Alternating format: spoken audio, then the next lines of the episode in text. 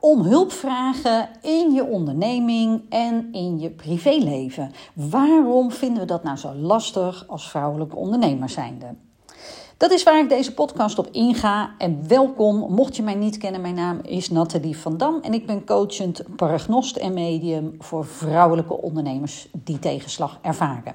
En de aanleiding van deze podcast is dat ik laatst een post had gedeeld en daarin beschreef ik dingen die ik nu anders doe dan toen ik 18 was. En dingen die ik nu anders doe die mij enorm hebben geholpen als ondernemer. Hulpvragen was daar één van. En ik kreeg daar best wel veel reacties op in mijn inbox. Dus uh, veel herkenning op dit thema. En sowieso merk ik ook in mijn praktijk als paragnost ook dat dit thema veel voorkomt. Uh, dat veel vrouwelijke ondernemers het lastig vinden om hulp te vragen. En uh, nu is dingen in je eentje voor elkaar krijgen, is natuurlijk een geweldige kwaliteit waar je als ondernemer heel veel aan hebt. En een kwaliteit die je als ondernemer ook heel veel kan brengen, want je kan heel veel manifesteren, voor elkaar krijgen. En zoals met zoveel kwaliteiten zit daar ook een enorme valkuil in. Want stel nou dat jij als ondernemer bijvoorbeeld heel erg succesvol bent en je wilt verder groeien. Ja, dan is het handig dat je hulp kan inschakelen. Als jij merkt dat je te veel op je bordje hebt liggen, uh, in je onderneming bijvoorbeeld, maar ook in je privéleven, is het handig als je hulp kan inschakelen. Uh, of als het juist tegenzit in je ondernemerschap, dat je te maken hebt met tegenslagen, dan is het ook fijn als je om hulp kan inschakelen. want als je alsmaar buikpijn hebt, bij wijze van slecht slapen of piekert over van alles wat er misgaat, ook in je privéleven bijvoorbeeld, hè, omdat je relatie is verbroken of je hebt zorgen om je ouders, um, je voelt je rot, het heeft zijn weerslag ook op jou als ondernemer. Kijk, dan uh, is het gewoon handig als je dat kan doorbreken. Hè. Stel je ook maar even voor hoe fijn het dan zou zijn als jij een stuk uh, verlichting hebt, als je niet alles in je eentje hoeft te doen. En wat ik uh, veel zie, is dat um, veel vrouwelijke ondernemers eigenlijk altijd een soort steunpilaar zijn voor andere mensen. In hun onderneming, voor klanten, cliënten, relaties, maar ook in hun privéleven. Bijvoorbeeld voor partner of voor kinderen of voor vrienden of voor familieleden.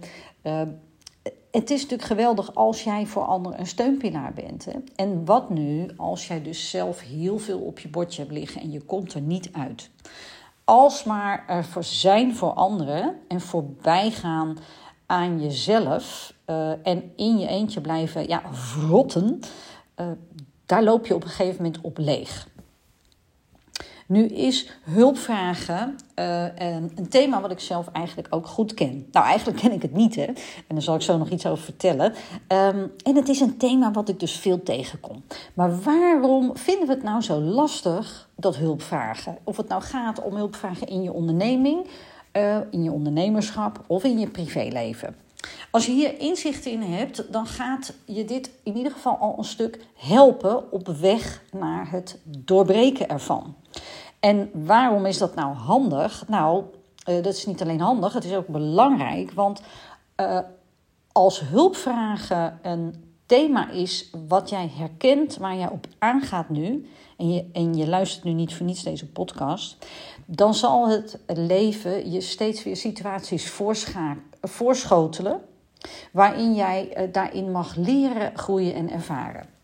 En misschien denk jij nu, oh shit, daar zit ik dus echt niet op te wachten. En het is dus ook niet bedoeld als een straf. Dit gaat over, als je even kijkt uh, in het grotere geheel, waarom wij hier zijn. Je bent een ziel in een aardse verpakking. Uh, je ziel wil leren, ervaren, groeien en de aarde is de perfecte plek daarvoor. dus het leven spiegelt je gewoon steeds situaties voor waarin jij mag leren, ervaren, groeien in dit thema. Zo ook uh, mijn ervaringen hierin. Um, en ik, ik wil iets met je delen als het gaat over hulpvragen. Want er zijn twee soorten situaties die ik veel uh, herken. En ik ben ook eventjes benieuwd um, in welke jij je herkent. Dus ik ga je allereerst eens meenemen in een persoonlijke ervaring. toen ik uh, alweer heel wat jaar geleden een, in opleiding was om internationaal gecertificeerd NLP-trainer te worden, toen liep ik heel veel tegen persoonlijke stukken aan. Dat is logisch als je zo'n proces doorloopt. Als je met anderen wil kunnen werken, dan moet je ook je eigen stukken aangaan. En ik was heel erg leergierig en ik stak regelmatig mijn hand op in de groep, in de opleiding. En een trainstar die maakte mij op een gegeven moment uh, uh, op, op subtiele wijze uh, attent op het feit dat ik iets had met het thema hulpvragen. En hoe deed zij dat? Nou, zij benoemde steeds dat ik geen vraag stelde. Dus ze zei dan, dus dan had, stak ik mijn hand op, vertelde ik iets. En dan dacht ik, nou, duidelijk, hè? Ik heb een vraag gesteld. Maar dan, dan stelde zij mij de vraag, wat is je vraag? Dan dacht ik echt, huh, heb ik toch gezegd? Hè? En als je nou kijkt naar taal, hè, taalkundig, um, was ik heel goed onderlegd. Ik werkte in die tijd nog als uh, freelance tekstschrijver in de reclame. En nou, ik kon heel echt spelen met taal. Maar met alles wat ik in huis had aan taalvaardigheden, kon ik dat ehm, wat ik eigenlijk nodig had, niet eens formuleren als een vraag, maar wel als een mededeling. En ik ben heel benieuwd hoe jij dit herkent. Dus bijvoorbeeld, een uitspraak die ik heel makkelijk zou eh, gedaan kunnen hebben, is: eh, Het lukt mij niet. Oh, of ik snap het niet. En ehm, Misschien herken jij uh, dit soort uitspraken, maar het gaat ook over alledaagse voorbeelden, even ter inspiratie. Hè? Um, fijn, uh, fijn als jij de vuilniszak buiten zet. Um, of zoiets als de vuilniszak moet buiten gezet worden. Of ik heb een belangrijke afspraak in het ziekenhuis waar ik tegenop zie. Dat zijn allemaal zinnen uh, die ik zo zou kunnen bezigen. En misschien herken jij ze ook wel. Um, waarbij ik dus niet in staat uh, was om een vraag te formuleren. Want ik zou natuurlijk ook kunnen vragen: uh, zou je mij kunnen helpen? Kun je het mij nog een keer uitleggen? Zou jij de vuilniszak buiten willen zetten? Of uh, zou je met me mee willen naar die afspraak in het ziekenhuis? Dus uh, zeker wanneer jij ook zelf her, uh, werkt als coach of therapeut, dan kun je dit ook herkennen, eventueel bij cliënten. Hè, maar ook al doe je iets heel anders als ondernemer uh, en je herkent dit bij jezelf, hè, dan, dan weet je van hé, hey, dat is interessant om eens naar te kijken. Hoe doe ik dat nou in taal? Kan ik eigenlijk überhaupt wel een vraag stellen? En het punt is dat, als ik dan weer even terugga naar die ervaringen van zoveel jaren terug, toen die trainster mij erop attent maakte, dat was echt voor het eerst dat ik mij daar bewust van werd. Um, dat uh, het niet eens in me opkwam dat ik een vraag zou kunnen stellen. Ik, ik wist gewoon helemaal niet dat dat zou kunnen. Hulpvragen zat gewoon zo ontzettend niet in mijn systeem. Nou, sommige mensen die uh, zeggen misschien van jeetje, nou ja, hoe is het mogelijk? Uh, daar snap ik niks van. En anderen die zullen dit haarfijn herkennen. Dus uh, al met al was het voor mij echt uh, ja, een stuk mindblowing bewustwording. En tijd voor mij ook van hé, hey, dit is een thema, hier heb ik wat mee te klussen. En, en dat ben ik dus ook gaan doen. Dus dat is een voorbeeld van wat ik veel tegenkom rondom het thema hulpvragen. En de andere variant, die ik ook veel zie bij uh, vrouwelijke ondernemers, is dat um, hulpvragen wel in je opkomt, maar dat je het niet kan.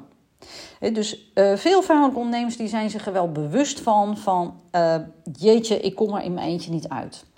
Ik zou eigenlijk wel wat hulp kunnen gebruiken. Of het nou gaat om vraagstukken in je ondernemerschap of in je privésituatie. En, en toch doe je het dan niet. En als je dit herkent, dan herken je ook in dat je het pas doet als het echt niet anders kan. Als je rock bottom zit, als je voor je gevoel tegen de muur staat, of dat het water je zo aan de lippen staat dat je het gevoel hebt van nou, ik verzuip er bijna in, dat, dat het echt zo ver moet gaan. En dan heb ik het ook over dat je fysiek of mentaal of emotioneel echt er doorheen zit. En dat dus er heel veel moet gebeuren voordat je dan uiteindelijk aan de bel trekt. Zeker als je tegenslag ervaart, hè, dan, dan ga je dit ook herkennen. Want dan is er uh, vaak in één keer heel erg veel wat op je bordje ligt. Wat ook een emotionele lading heeft, wat mentaal veel van je vraagt. Hè, uh, wat ook fysiek iets doet, omdat je bijvoorbeeld minder goed slaapt, een kort mondje hebt. Nou, heel pakket. en misschien herken jij je hier dus wel in. Hè? Dus in dat je hulp, dat, je, dat het in je opkomt om hulp te vragen, maar je kan het niet. Eh, het is niet voor niets ook dat, dat veel vrouwelijke ondernemers ook, ook echt heel lang over doen voordat ze mij inschakelen. En wat het interessante is, is um, als jij je herkent in die situatie dat je er heel lang over doet om hulp te vragen, dan gebeurt er vaak al iets met je.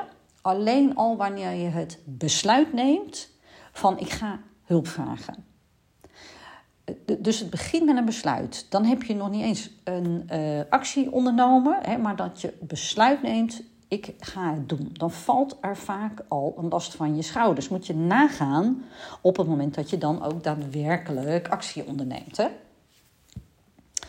Nou, hoe kan het nou toch dat, uh, dat hulpvragen uh, dat ons dat zo'n moeite kost? Welke variant jij ook kent of herkent. Nou, wat ik net al zei, uh, hulpvragen, mijn eigen ervaring, uh, van ja, het, het zat gewoon niet eens in mijn systeem, joh. En als jij dit herkent, zo'n zo'n uitspraak van het zit gewoon niet in mijn systeem, dan is dat ook al een hele belangrijke hint van waar de angel zit. En ook al herken je die uitspraak niet, vaak zit de angel in het systeem. En daarmee bedoel ik um, het gezin waarin je bent opgegroeid, je familiesysteem. En als je kijkt als uh, kind, als babytje al, ben je natuurlijk super afhankelijk van andere mensen voor je overleving, voor je survival. Dus uh, het, het uitreiken, het, het, letterlijk echt met, je, met, je, met de armpjes uitreiken, met de handen, de armen, dat, dat is natuurlijk het uitreiken naar hulp. En dan is het interessant om te kijken wat voor reactie krijg je dan. En, en ik benoem even meteen, uh, want op het moment dat ik het heb over een familiesysteem en, en hoe jij de dingen hebt meegekregen, dan komt altijd direct de loyaliteit om de hoek kijken. Uh, dat veel mensen uh, zeggen van, goh, ja, maar ik wil niet met de vinger wijzen, um, want ja, het is allemaal wat te verklaren. En um, ja, ik heb hele lieve ouders, ik kan nu goed met ze opschieten. En dat is allemaal loyaliteit. Dat is heel erg logisch op het moment dat we het gaan hebben over familiesysteem. Um, daarom benoem ik het even. Waar we het nu over hebben, gaat niet over met een vinger wijzen. Wie heeft iets verkeerd gedaan of, of wie heeft er nu schuld. Hè. Er kunnen allemaal redenen zijn waarom het is gegaan zoals het is gegaan. Uh, wat veel belangrijker is, is dat we in het hier en nu gaan kijken waar loop je nu tegenaan rondom dat thema uh, lastig om hulp te vragen en waar ligt de oorsprong. En als ik dan weer even terugga naar uh, je jonge jaren. Uh, stel nou hè, dat jij als kind uitreikte, of als babytje misschien al wel, en je ouders waren er niet voor je, of ze konden er om wat voor reden dan ook niet zijn om jouw uitreiking te beantwoorden, dan doet dat iets met je. Of als je ouders um, bij, eh, het hulpvraag van jou in feite een soort ja, afstrafte bij wijze van, hè, of dat dat ja, niet werd gewaardeerd. Of dat wanneer jij uh, vroeg om hulp, dat ze zich juist als het ware aan je vastklampten. Dat, waren, dat, dat zijn allemaal mogelijke reacties die je kan hebben ervaren in je jonge jaren bij het uitreiken. En misschien waren je ouders er wel voor je, maar voelde het voor jou heel erg onveilig. Dat kan bijvoorbeeld ook. Dus wat je onbewust in je jonge jaren daarover meekrijgt, dat sla je op. En dat neem je met je mee, onbewust, ook als je verder opgroeit. Als ik weer even een, voorbeeld geef, even ter inspiratie van hoe dat bij mij is gegaan. Mijn ouders waren eh, gescheiden. Ik zat toen net in de puberteit. En mijn moeder die uh, leefde in een eigen bubbel, die was uh, mentaal ziek. En ik had geen contact met mijn vader. En onbewust uh, had ik besloten van, nou, ik kan niet terecht bij mijn ouders. Mijn ouders zijn eigenlijk niet te vertrouwen. Um, mijn vader onveilig voor mij. En daar had ik geen contact mee. En, en, en, mijn moeder die kon ik niet bereiken. Weet je, dan doe ik het zelf wel. En dat is een besluit wat ik onbewust heb genomen. Het is natuurlijk niet zo dat ik uh, dacht van... Ik was twaalf jaar oud, ik zat aan mijn bureau, aan mijn huiswerk... en dacht, nou, ik dit, neem nu even dit besluit. Het dus het punt is dat mm, zo'n onbewust besluit... Dat, die, dat je dingen zelf gaat doen, dat wordt vaak ook een kwaliteit. Een kwaliteit die je heel ver brengt, heel ver kan brengen, waar je heel veel aan hebt als ondernemer. Uh, jij krijgt in je eentje heel veel dingen voor elkaar. En het is dus niet voor niets dat zoveel ondernemers, zoveel vrouwelijke ondernemers dit thema ook kennen en herkennen. Dat het lastig is om hulp te vragen. Uh, omdat het vaak mensen zijn die vanuit hun kracht ook hebben gekozen voor hun ondernemerschap. Maar dan loop je dus ook tegen die valkuil aan.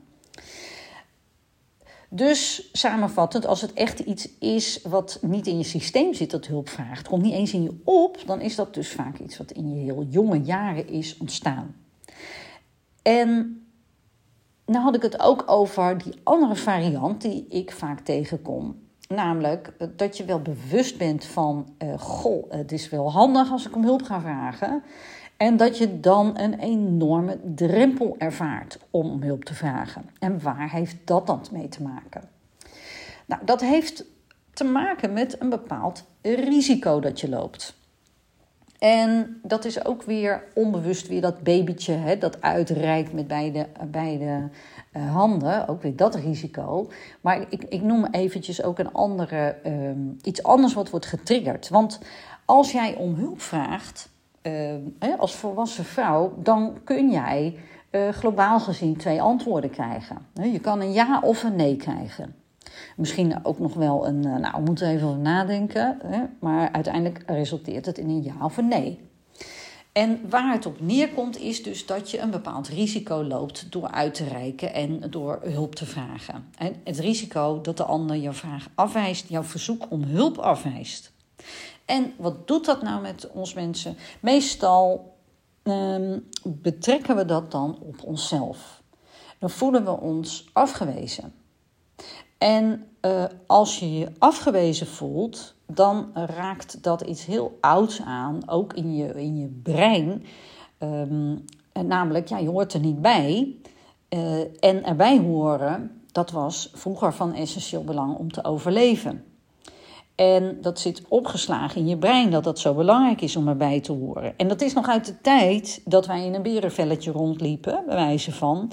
En met een groep moesten gaan jagen en, en met z'n allen dat, dat, uh, dat everzwijn uh, zien, zien te pakken te krijgen, aan het spit te rijgen en te overleven. En dat is dus een deel dat ook wordt getriggerd. Dus er zit, um, uh, er zit als het ware een oerangst ook onder. En ik benoem dit eventjes. En ik zeg eventjes heel plat: je gaat niet dood als je om hulp vraagt. Dan moeten mensen wel eens om lachen, maar ik zeg het nog een keer: je gaat niet dood als je om hulp vraagt. Je kunt een nee krijgen. Um, ja, het zou eerder andersom zijn. Misschien ga je wel dood als je niet om hulp vraagt. Dat zou net zo goed zou je net zo goed kunnen zeggen. Maar het is dus belangrijk om je dat te realiseren. Dat hele oude stukken worden getriggerd bij je en die doen heel veel met je. En het punt is, dit is iets dat bij um, het leven hoort, dat jij ook kunt omarmen dat je uh, een ja en een nee kan krijgen. En ik zeg uh, ik zeg het heel bewust zo, iets dat bij het leven hoort. Want dit gaat ook echt over leven. Als jij wil leven, dan heb je uit te reiken, dan heb je dingen te vragen. En um, kijk, je kunt wel zeggen, ik ga helemaal niets meer vragen. En, en ook dus niet meer om hulp vragen. Maar dan maak je eigenlijk een terugtrekkende beweging ook nog van, van het leven als het ware. dus het gaat ook nog over een laag dieper. Ik hou daar altijd van, om naar de diepere laag te gaan met je. Want daar zit de angel. En als je daar naartoe gaat, dan kan je versneld ook, als je daarmee gaat, aan de slag gaat doorbraken, realiseren. Dus wat belangrijk is, is dat je, um, dat je om hulp kan vragen. Dat je weet en omarmt, ik kan een ja en een nee krijgen. En dat je er niet helemaal wiebelig van wordt en uit balans. Het kan nog steeds super spannend zijn. Ik vind het ook nog steeds super spannend om om hulp te vragen. Um, dus het is helemaal niet raar uh, dat je dat spannend vindt. Zeker niet als je dat van jongs af aan op een bepaalde manier uh, hebt ervaren rondom hulpvragen, dat dat lastig is. En wat ook nog een rol speelt, waarom zoveel mensen zo'n enorme drempel ervaren, uh, heeft ook te maken met van, wat gaan andere mensen van mij vinden wanneer ik om hulp vraag. Dan vinden ze misschien zwak, dan vinden ze mij misschien niet capabel, dan hebben ze van mij een bepaald idee dat ik het als ondernemer allemaal niet trek of dat ik het privé niet op een rijtje heb. En woe, allemaal gedachten die door je hoofd gaan en die gedachten die voor jou waar zijn. Het zijn overtuigingen, jij gelooft daarin. En ze helpen je vaak niet echt. Nou, echt niet, om maar zo te zeggen. En, en weer even een voorbeeld. Toen ik de, toen ik de diagnose uh, borstkanker kreeg, um, uh, een aantal jaar geleden, um, er was natuurlijk een klap in mijn gezicht. En ik wist wel van, ah, ik wil dit hele proces en al die behandelingen wil ik niet alleen doen. Dus ik moest wel om hulp gaan vragen. En ik moest echt over 99 drempels heen stappen, bij wijze van. Ehm, ik, ik, besef nu in één keer van, oh, ik knal deze wel in één keer erin. En mocht je mijn verhaal niet kennen, kan ik me voorstellen dat het best heftig is om even zo te, bam, zo te horen. Ehm, ehm, mocht je uh, hier meer over willen luisteren, ik heb een speciale podcast opgenomen over ik meen dat die heet Mijn grootste inzichten door de diagnose kanker. De inzichten die mij ook als ondernemer verder hebben geholpen. Um, maar waarom ik het voorbeeld uh, noemde en zo er ja, inknalde, sorry daarvoor, is dat die um, overtuigingen um, zo'n enorme uh, rol spelen. Want ook ik kende dat stuk van, nou, ik moet echt wel tot het gaatje gaan voordat ik om hulp mag vragen. En, en dat is ook wel iets wat ik bij, bij heel veel ehm, mensen dus zie. Hè? Dat stuk van ik moet zelf eerst rock bottom gaan voordat ik bij iemand aan de bel ga trekken. En ja, dat zijn vaak ook de mensen die tot op het allerlaatste moment wachten om aan de bel te trekken. Ehm, en ik noemde net ook dat voorbeeld van dat ik over 99 drempels moest stappen. En in het hele proces van, van behandelingen tegen borstkanker, en dat duurde best wel lang, iets van anderhalf jaar, de eerste behandelingen, um, ja, kwamen er heel vaak dat soort overtuigingen langs. En moest ik dus ook heel vaak weer langs al die overtuigingen. En heb ik ook, ook toch ook regelmatig op de momenten dat ik echt even helemaal doorheen zat, toch iets te lang gewacht met hulp inschakelen. En, en hulp inschakelen, dat gaat over, um, wat, want waar heb je dan behoefte aan? Uh, is, het, is het praktische hulp? Is het mentale hulp? Iemand die met je meedenkt over oplossing bijvoorbeeld, waar je zelf niet uitkomt? Of uh, is het reality check rondom uh, bepaalde overtuigingen die je hebt? Of is het emotionele hulp? Hè? Dus dat je je emoties, dat je daar niet een putdeksel op gooit, hè? maar dat je ook daarin om hulp kan vragen. Uh, allemaal stukken waar je in hulp kan vragen. En ik moet je ook eerlijk zeggen, uh, het is als ondernemer, wanneer jij ook vragen hebt rondom bijvoorbeeld je onderneming, maar ook voor jou jouw, privé, hè, wat zijn weerslag heeft, hoe jij in je vel zit op je onderneming, uh, niet altijd makkelijk. Bij wie kun je daarmee terecht? Hè? Want wat ik ook uh, veel doorkrijg uh, bij vrouwelijke ondernemers, is een eentje waar uh, heel veel mensen zich niet van bewust zijn. En als ik het woord noem, nu in deze podcast ook, dan ben ik heel benieuwd wat het bij je doet. Veiligheid. Hoe belangrijk is veiligheid voor jou om, om hulp te kunnen vragen. Veiligheid is iets wat op een hele onbewuste laag bij zoveel vrouwelijke ondernemers een rol speelt. Bij wie voel jij je veilig genoeg dat je met je vragen, welke dat ook zijn, en je issues, welke dat ook zijn, dat je daarbij terecht kan. Veiligheid en ook vertrouwelijkheid, die zijn daarin super belangrijk.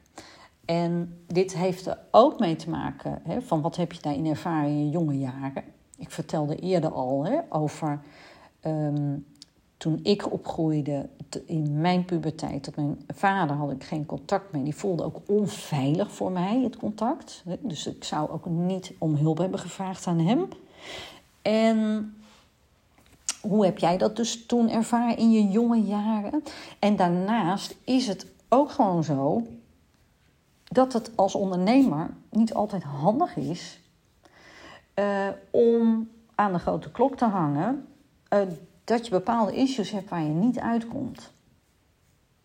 Het is nog een beetje taboe als ik het zo zeg, maar wanneer jij als ondernemer heel erg succesvol bent, mensen hangen aan je lippen, mensen komen bij jou voor bepaalde dingen, maar jij voelt je bijvoorbeeld heel erg onzeker uh, over bepaalde beslissingen, of je hebt buikpijn van bepaalde besluiten, of je zit helemaal niet lekker in je relatie en je voelt dat je daar, je hebt het gevoel dat je daarin faalt, bijvoorbeeld. Hè. Ja, bij wie kun je dan terecht? Um, ook in je ondernemerschap. Het, uh, zoals een, een, vriend van mij, een heel ervaren ondernemer, laatst ook zei: van ja, dat is het spel. Het spel van het ondernemerschap. Hè. Dus het is belangrijk uh, dat je dat je ook het gevoel hebt van ik kan ook echt bij iemand terecht. Dus het is um, voor jou belangrijk om te weten waarom vind ik het nou zo moeilijk om hulp te vragen? Uh, kan ik uh, überhaupt al hulp vragen? Zit dat in mijn systeem? Um, of komt het wel bij me op, maar moet ik eerst langs 99 overtuigingen? Uh, en bedenk dan ook even met zo'n heel pakket, even terug naar, als je even achterover leunt, Ehm, wat gaat het jou opleveren wanneer jij om hulp vraagt? Alleen al het besluit nemen dat je om hulp gaat vragen. Alleen al de vraag gaan stellen. Nog even los van de uitkomst. Wat gaat het je opleveren wanneer jij het allemaal niet meer in je eentje hoeft te doen? Wanneer ook jij eens een keertje bij iemand kan leunen in plaats van dat jij altijd de steunpilaar bent voor anderen. En stel, stel dat jij het risico neemt.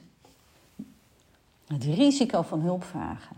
Weet je wat voor risico je dan ook loopt? Het risico dat je een ja krijgt.